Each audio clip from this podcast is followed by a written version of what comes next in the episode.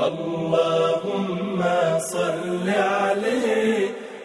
شواهد من التاريخ.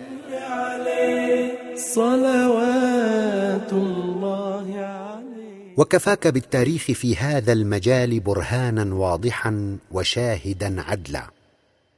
فإنك إذا ذهبت توازن بين بعض الناس في عصرنا وبين أولئك الصحابة الكرام.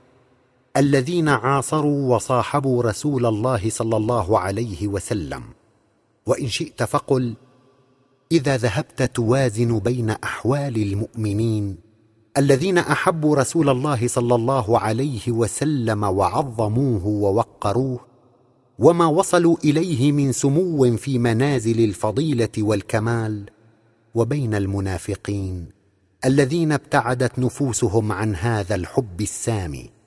ووقعت في الجفاء والبعد عن الله لتبدى لك الفرق جليا واضحا ولعرفت عظيم شأن هذه المحبة وضرورتها. وقد عرفنا صلى الله عليه وسلم بذلك القانون النفسي الذي تخضع له نفوس جميع المحبين في الرفقة والصحبة والارتباط.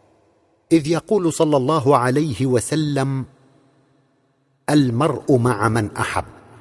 وإذا كان المرء مع من أحب فهو متصل النفس به مرتبط القلب.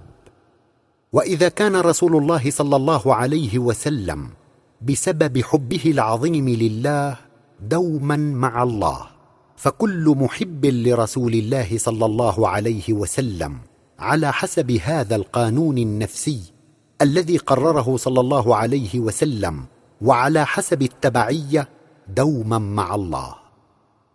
فكلما ذكرت رسول الله صلى الله عليه وسلم إن كنت محبا له حقا صرت مع الله ودخلت نفسك معه في حضرة الله.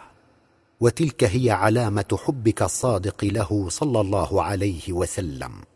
وما في ذلك من شك أو ريب لأن المرء مع من أحب.